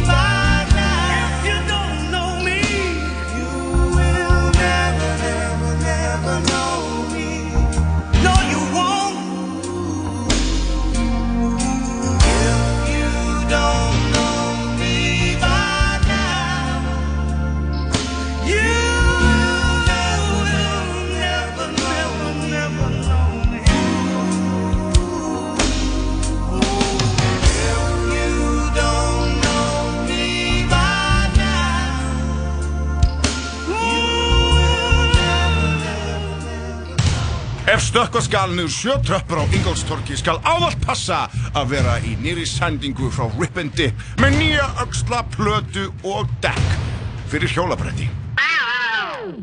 Þú þarft ekki að taka fram þetta yfir hjólabretti, sko. Já. Nei, nei. Smass, kringlunni. Þú ert að hlusta á útvarp 101. Mér vantar ekki stelpu til að ríða Mér vantar stelpu til að njóta ásta með Ég er ekki þekktu fyrir að býða Hún heyrir í mér og hún reykir eina fría. Hún er fara út, ég er koma inn. Plöggi kemur til mín, besti minn. Hún á tvíburi systir og það eru twins. Réttið með tvöfald aft og ég er alltaf að sækja wins. Engi fóldrar, baby girl var fóstubad Hún hattar á mig því að ég er alltaf að rosta hana Hún gaf mér hálsinn hóstasaft Og leið mér taka það er ekki póstasaft Hún er frík, já Það er eitthvað sem hún býr sem að mig til að vilja mig Frík, já Hvíslaði með hluti sem ég vildi heyra hana segja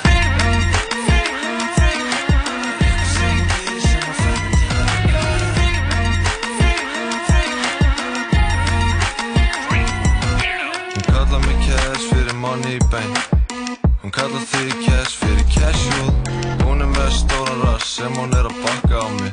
Það er as usual. Hún setur diamant í buksuna mínar.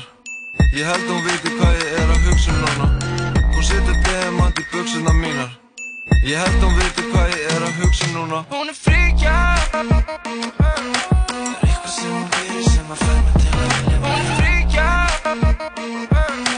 Hvíslaði með hluti sem ég vildi heyra hana segja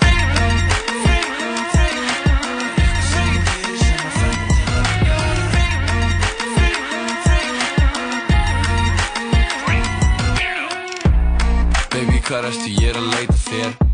Velkomin í klubbin, ég á heima hér. Hún kann að dansa svo ég þóra veðjum laun á sér. Ég fíla margir svo það er ekki bara ein á mér. Það koma bad gæli til mín. Ég er harður, ég býð ekki upp á búðin Það koma bad gæli til mín. Eitthvað weird shit, setja hana í búning. Ég er með vatn og marga klaka Double cup, ég spotta hana inn á klubnum Sækja döp, hún fíla líka vini mína Mælis club, og ég virði það svo mikið? Ég ætla að koma með mér, ég ætla að chilla. Ég er svona leaf in the stream of creation núna sko. The wind has me now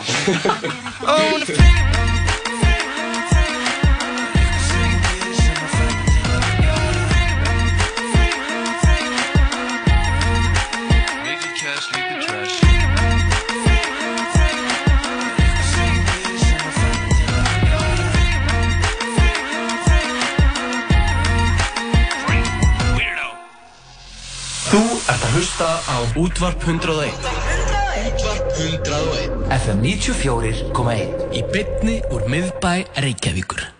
Big Trouble er nýr, stór og sterkur sérborgari á American Style. Í bóði í takmarkaðan tíma. Rauðrófan er komin aftur í djúsin eða á samlokuna. Joe and the Juice Kaffi, djús og svo miklu meira Látum bílakaupin smetla. Ergo býður fjölbreytta möguleika í bílafjármögnun. Kynntuður kostina á ergo.is. Við fjármögnum það sem upp á vantar. Ergo. Já, hér undan var það lagið Besti minn, þetta voru já, Lil Binni og Birnir, rapparinn uh, af nýjastu stuttskifinu þeirra, uh, Moodboard og já, það var myndið senstu viku þegar hún Saga Garðarsdóttir, góðinu stöðarnar kom til okkar og Gamla góða Saga Já, hún bara algjörlega tókar textan uh, við textalagsins Mhm. og fór gegnum hann allan, orð fyrir orð Mhm. og já, útskýri svona Hva, hvað væri var á hún bak að segja?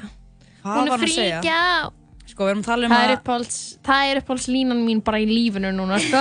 með langar í ból sem stendur á hún er fríkja hún er fríkja sko, allavega, hún var að segja, hún sagði að það væri svolítið svona sexy lag og hann finnst gaman hvað það væri að vera svona, væri, já, væri svolítið svona að vera bara svolítið honest þannig og Já. það væri lítið perralag sko, en þetta væri samt svona svona seini sumarsmellurinn sem við erum búin að vera að býða svolítið eftir að fá eitthvað svona lítið sexy dæmi sexy dæmi og þetta er svona eins perralegt og, og sem göm, svona gömul íslensk lög eða eldri íslensk lög mhm.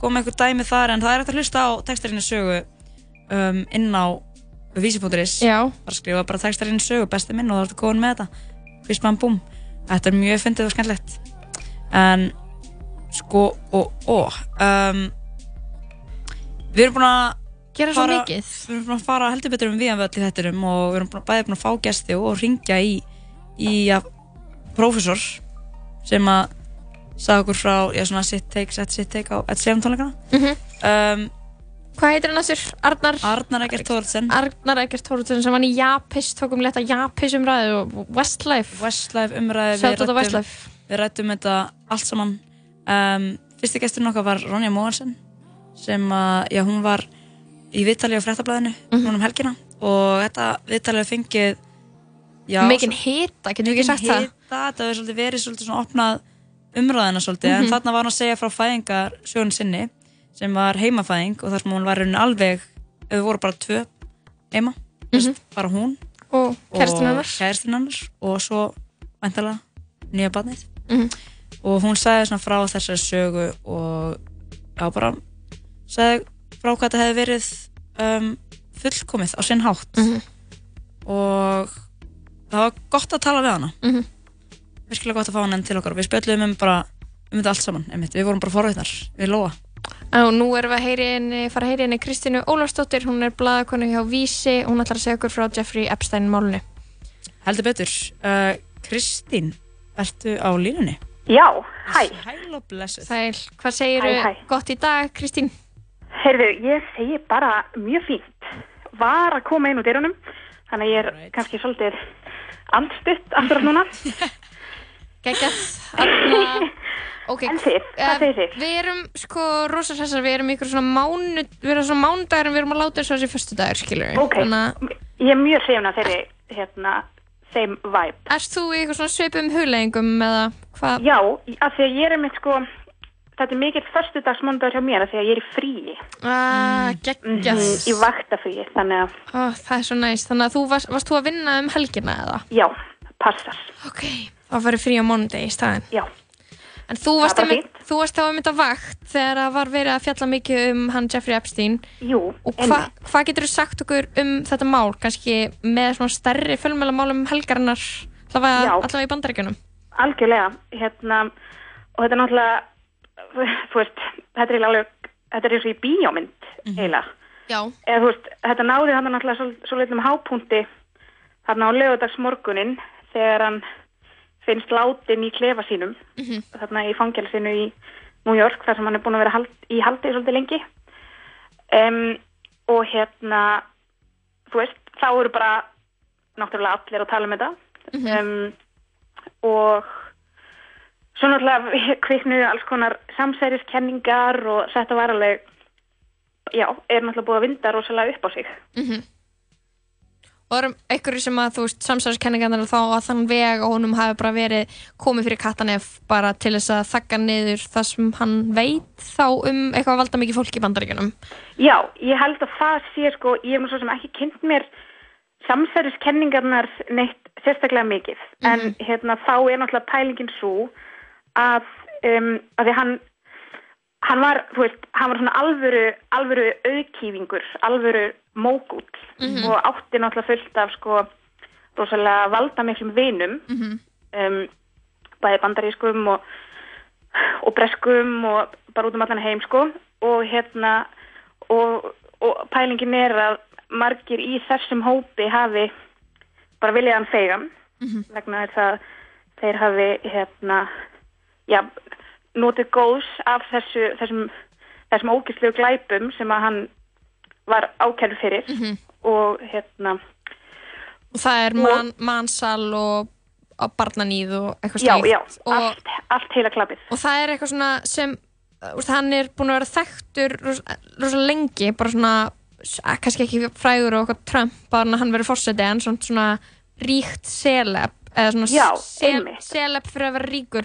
Og þetta kemur bara Algjörlega. ljósa þessu ári að hann er líka, þú veist, það er ekki rétt sem er. Þetta er bara nýjar og m- málið er og hérna hann er ákærður fyrir úst, allt þetta dæmi þetta nær bara til árana sko 2005-2006 Ok. þetta er hérna þannig að það er alveg svolítið síðan þetta gerðist Mhm. um, en svo er náttúrulega málið að þarna snemma á hérna sagt þarna um, um svipa leiti að þá kom upp mál uh, þar sem að hann var sagaður um að hafa þvingað hérna, já, bara hafa nöðgað 14 ára stelpu Mhm. og þá átt hann yfir höfði sér alveg bara lífstíðar fangelsi Mhm. held ég alveg öruglega Mhm. uh, en hann hérna samdi við sem sagt ríkis saksóknara, ég held að þetta hafi verið í Flórida Mm.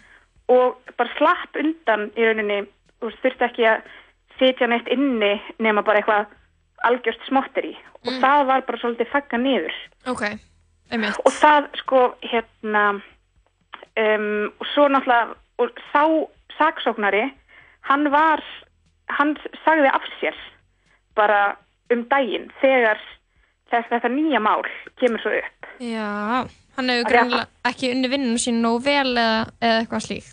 Já, þetta þótti náttúrulega bara hérna, Nexli. mikið nexli sko Já, og ég, ég man ekki alveg nákvæmlega sko hvaða stöðu hann gengdi en Mm. hann var þarna bara einn af þessum einstu koppum í búri hjá Trump Mm Einmitt. Mhm, þannig að þetta tegir ánga sína Já. mjög víða Og hann alltaf Epstein svona félagi Trump í gamla daga og Já.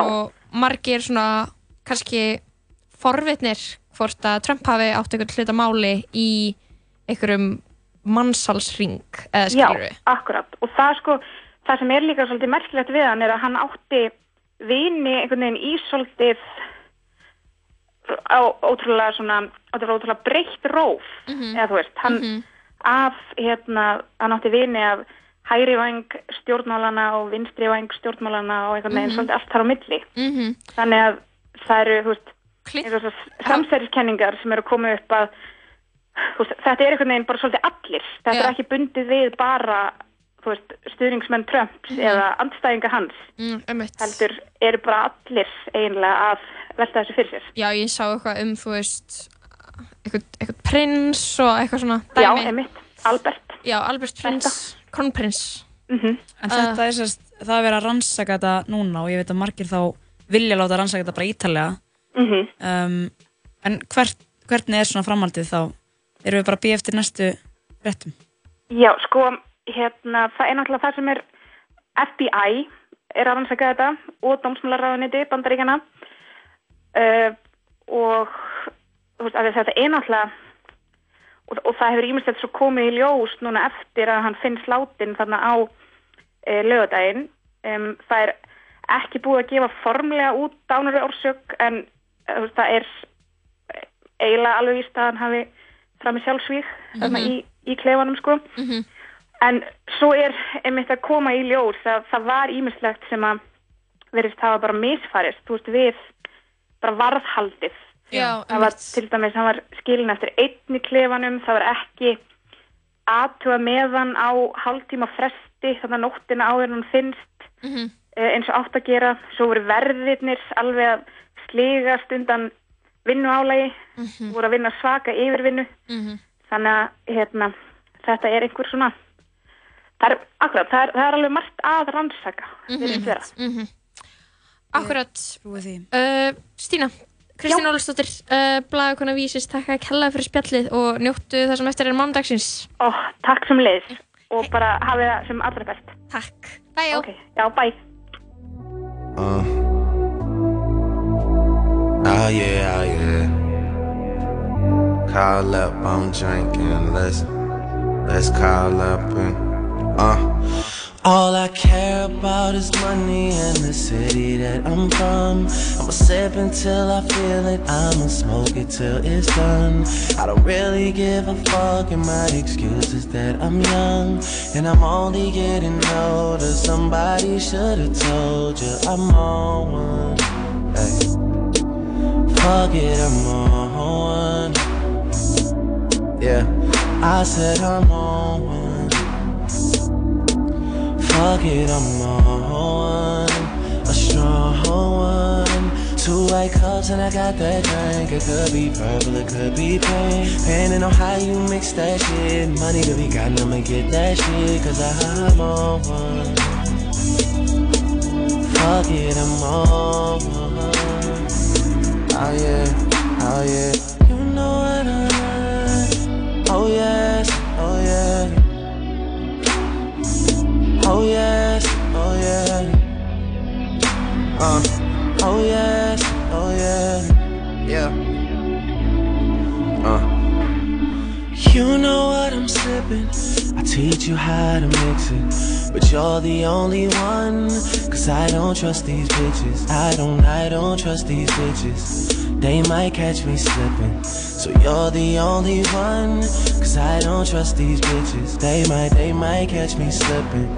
And put in something different. So you're the only one. Cause I don't trust these bitches. I don't, I don't trust these bitches. They might catch me slipping. So you're the only one.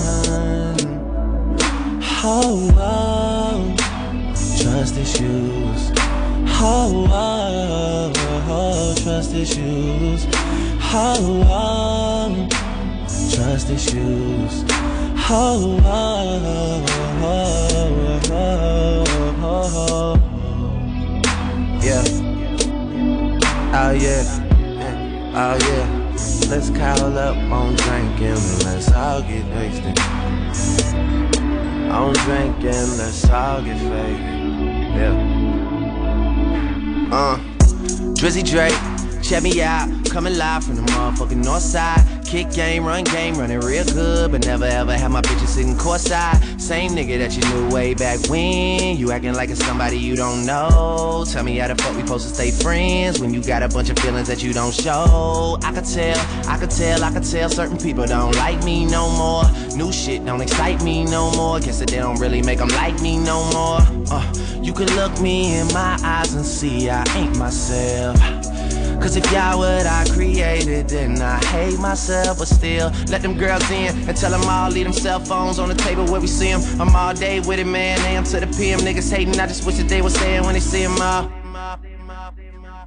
That's that shit that drives me crazy. And it's all that I've been getting lately. And it's probably why I'm scared to put the time in. Women wanna fuck like that, me and I'm them. Looking for some things, and I think that I can find them in you, in you. Oh, oh trust issues. Oh, oh, oh, trust issues. Oh, oh, trust issues.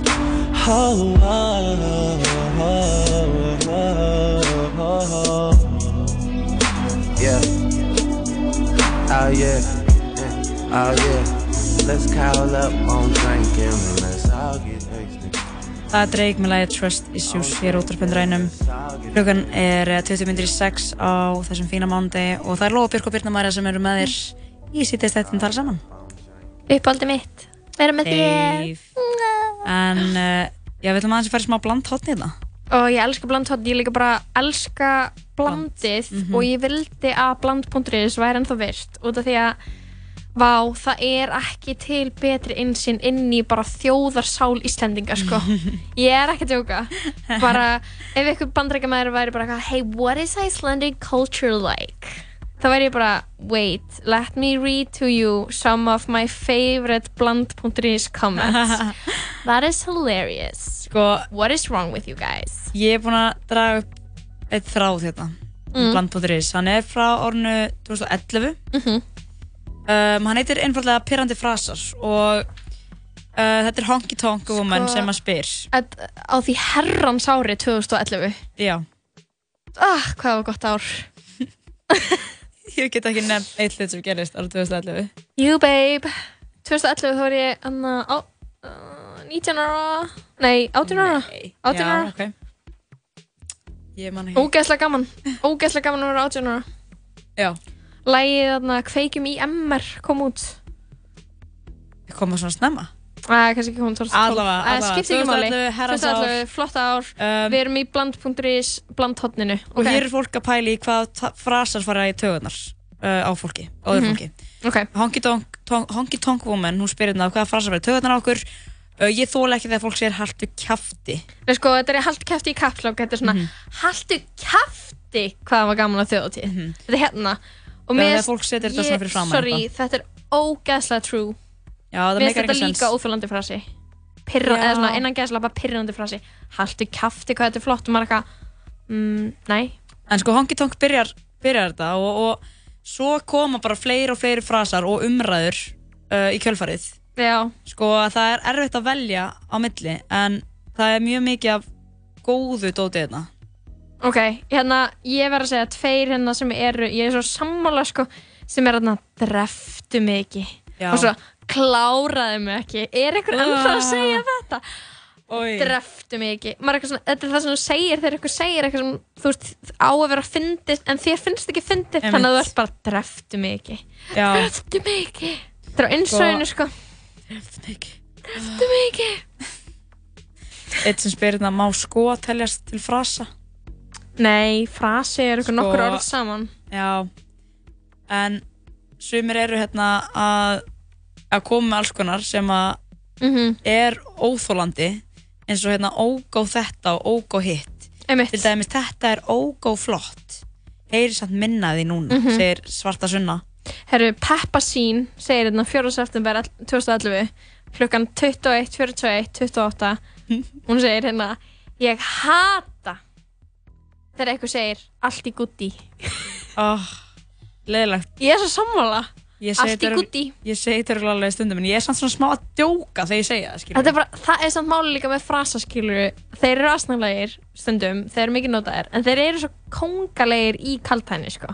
Já. allt í gutti Sko það var nefnilega eitt komment hérna sem að um, var mér fyndið sko uh, og það var um harti kæftidótið Mhm. þetta var frá hverjum var þetta aftur allavega ég er með skrýnst þetta símanum mínum, ég verð að finna Ok, ég er með einna með hann hérna, það er hérna Nedry, segir hérna 4. september kl- eh, 2011, 18.10.01 Oh, kæristu minn segir stundum bla bla bla bla bla að láta taka í þurft raskati og ég hata það.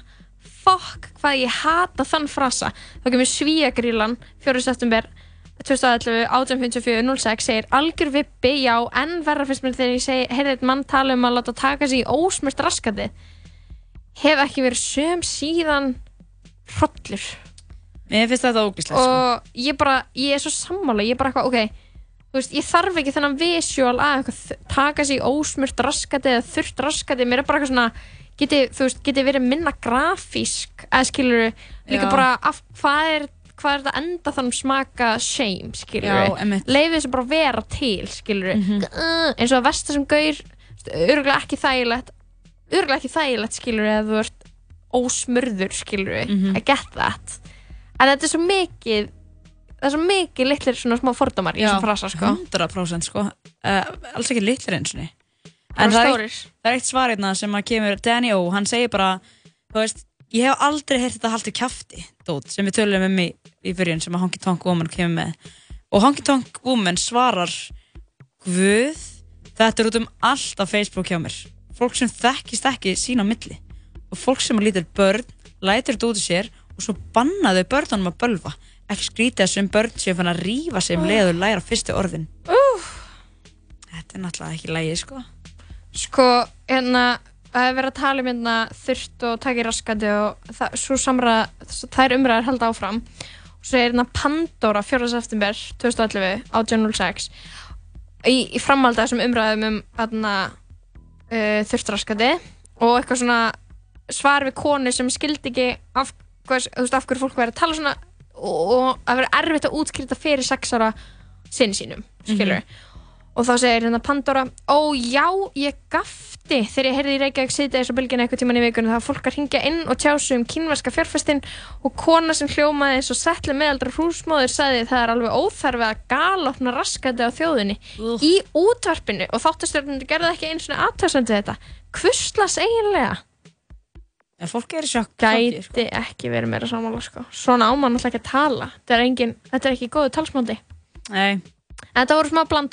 Þetta var lítið blandhorn. bland umræður, þannig að mikið, mikið vittlisa sem á staðan inn á bland en ef þú vilt kynast íslensku þjóðasólinni Mhm. þá myndi ég bara byrja að lesa hefja lestur lestur Já. hefst Það er svoleiðis Sko, Lóa, við erum búin að gera margt í dag Ég veit eins og ekki hvað ég á að byrja Byrjum á bara að kynna með kynningun okkar vorum með lítið drottningaviðtal við hennar Ronny Móesen sem var náttúrulega á fross- forsíðu fréttablaðsins Mhm. um helgina kveikti þar um, í umræðum um heimafæðingar Já. og bara sjálfsökurinn rétt kanna yfir einn líkama og svona taka stjórnin aftur á fæðingum sem er eitthvað sem konum bara að gera Það var mjög gaman að fá hana Mhm. til okkar og uh, það er líka bara, minnst í alvegni bara, ég veit ekki hvort að sé búin að segja nóg oft en bara þessi umræða og er þetta ræði mann hugsa. Mhm, þetta er mjög mikilvægt. sem veist, ég veit ekki, þegar maður getur í raun ekkert sett sér í samengi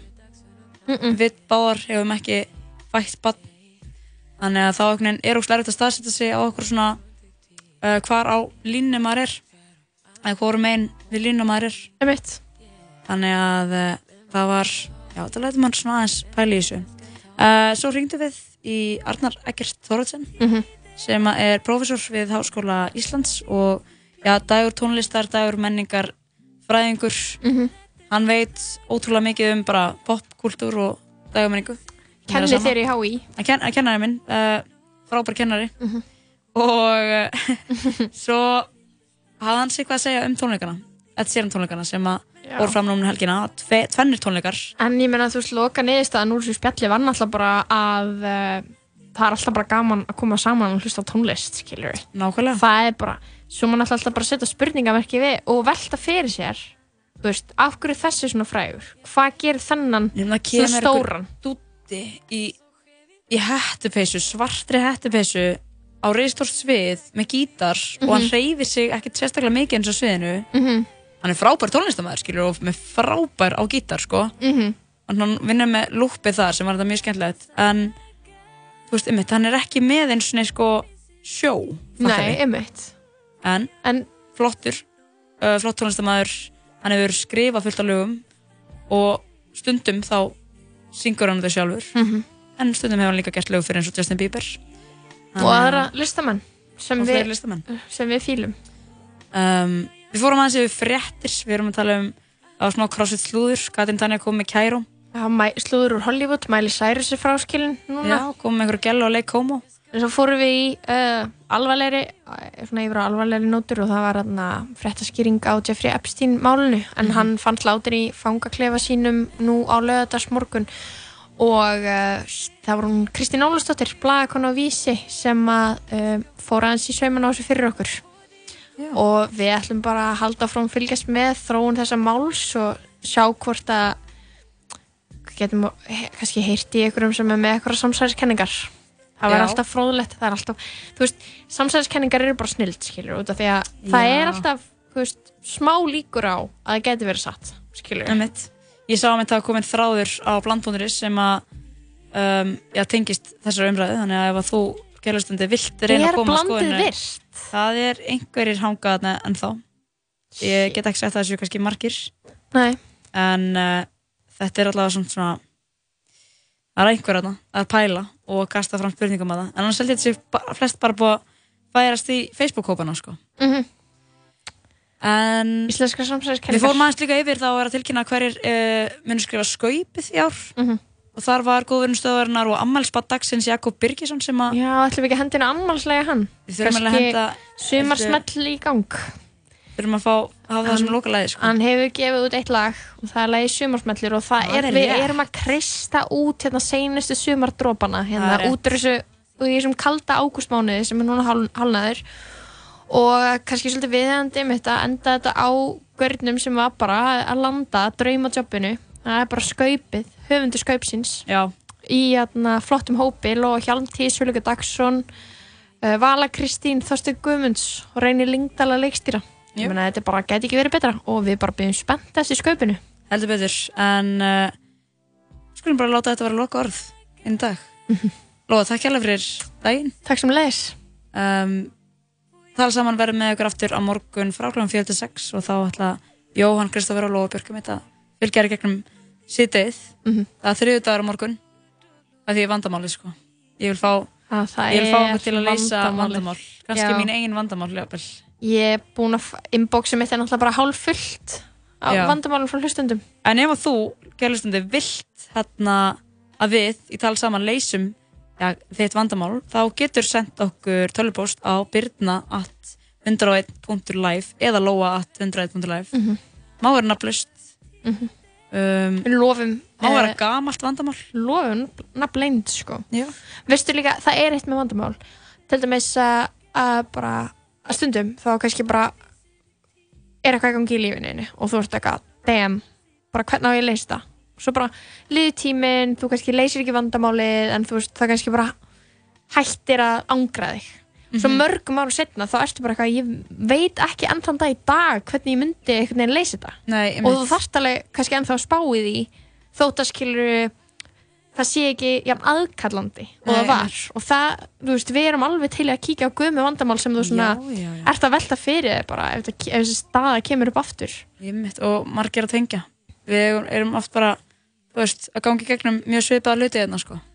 Já, við erum alltaf bara manneskjur. Við erum alltaf bara manneskjur, það er rétt Lofbjörg er að fakta hluti hérna.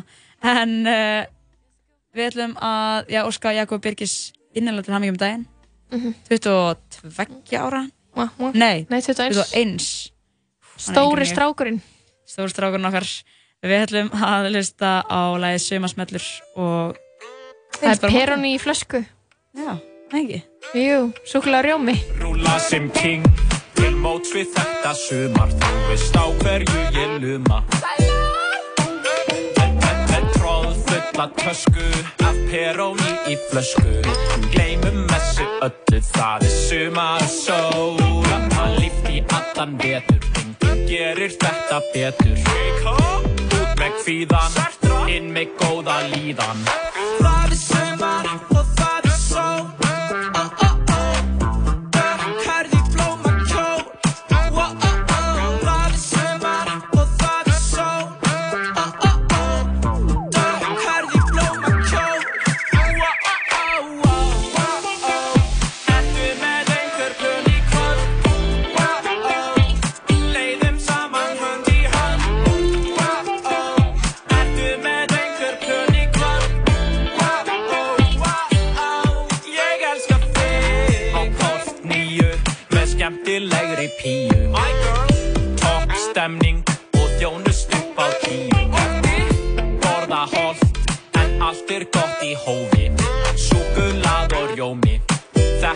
sumarljómi Var að koma úr sundi Jættur í lundi Það er bara einn regla Regla?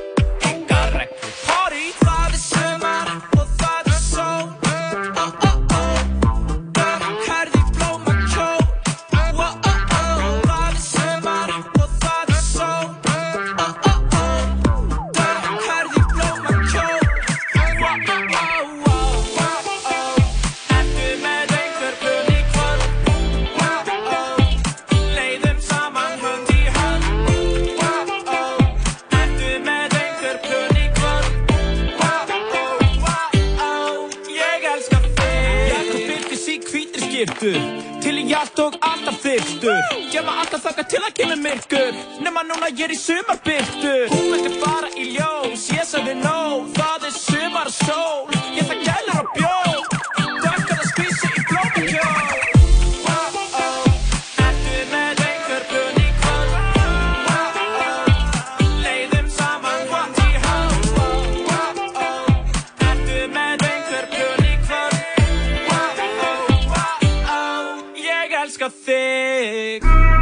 Þú getur hlusta á alla þættina af Tala Saman á Spotify. Hamburgerabúla Tómasar. Nú verða stektir hambúrgarar Hamburgerabúla Tómasar. Here I come. Anybody order fried sauerkraut? Níunda kvikmynd Quentin Tarantino. Leonardo DiCaprio. I'm Rick Dalton. Brad Pitt. Here comes trouble. Charlie's gonna dig you. Once Upon a Time in Hollywood. Frumsýn 14. ágúst. Útvarp 101